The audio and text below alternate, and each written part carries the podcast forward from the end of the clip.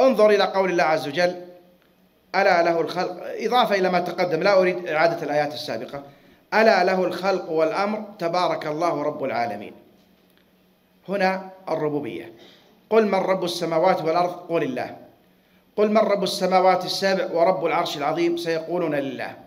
قل من بيده ملكوت كل شيء وهو يجير ولا يجار عليه إن كنتم تعلمون سيقولون لله.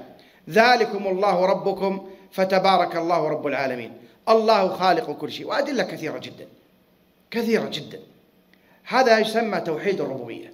فيه تذكير العباد بأن الله ربهم وأنه خالقهم هو الذي أوجدهم من العدم وهو الذي يرزقهم. استمع للآيات الأخرى وركز معي. الآن سأتلو بعضا من آيات في توحيد الألوهية. توحيد الألوهية يختلف الفاتحة كما تقدم وفيها إياك نعبد وإياك نستعين.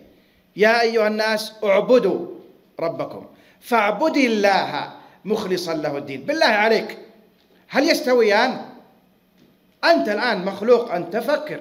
أي إنسان عربي ولا عجمي يفكر؟ يعرف أن الخبر غير الطلب. ولهذا العلماء لهم تقسيم آخر للتوحيد صحيح. يجعلون الربوبية والأسماء والصفات توحيد الخبري العلمي وتوحيد العبادة توحيد الألوهية يسمونه توحيد الطلب توحيد العمل توحيد الإرادة والقصد. وكلا التقسيمين هو ذكر هذا المعنى فلا تثريب على هذا وهذا. اسمع الآية التي بعدها. قل الله أعبد مخلصا له ديني. لا فاعبد الله مخلصا له الدين. ألا لله الدين الخالص. والذين اتخذوا من دونه أولياء ما نعبدهم إلا ليقربونا إلى الله زلفى. هناك أيضا أدلة كثيرة جدا في هذا المقام. لكن توحيد الأسماء والصفات أيضا لا يعني يمكن آه، حصر ما ورد في كتاب الله. في أدلة أو آيات جمعت أنواع التوحيد الثلاثة. في سورة مريم يقول الله سبحانه وتعالى رب السماوات والأرض وما بينهما فاعبده واصطبر لعبادته هل تعلم له سميا؟ وهناك أدلة أخرى ويا ليت المسلم وهو يقرأ القرآن ينتبه لها.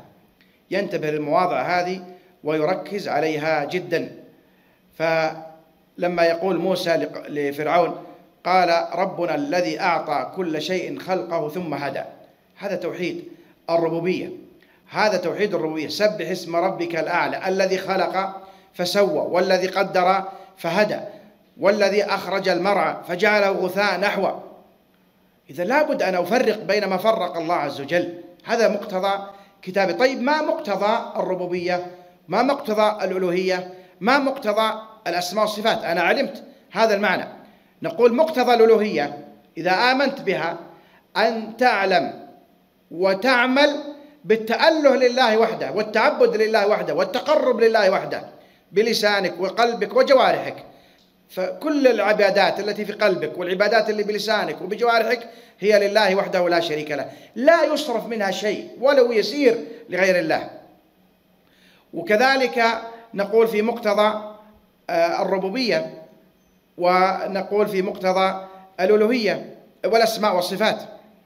وهذا المعنى آه، يعني أرجو أنه واضح إن شاء الله. طيب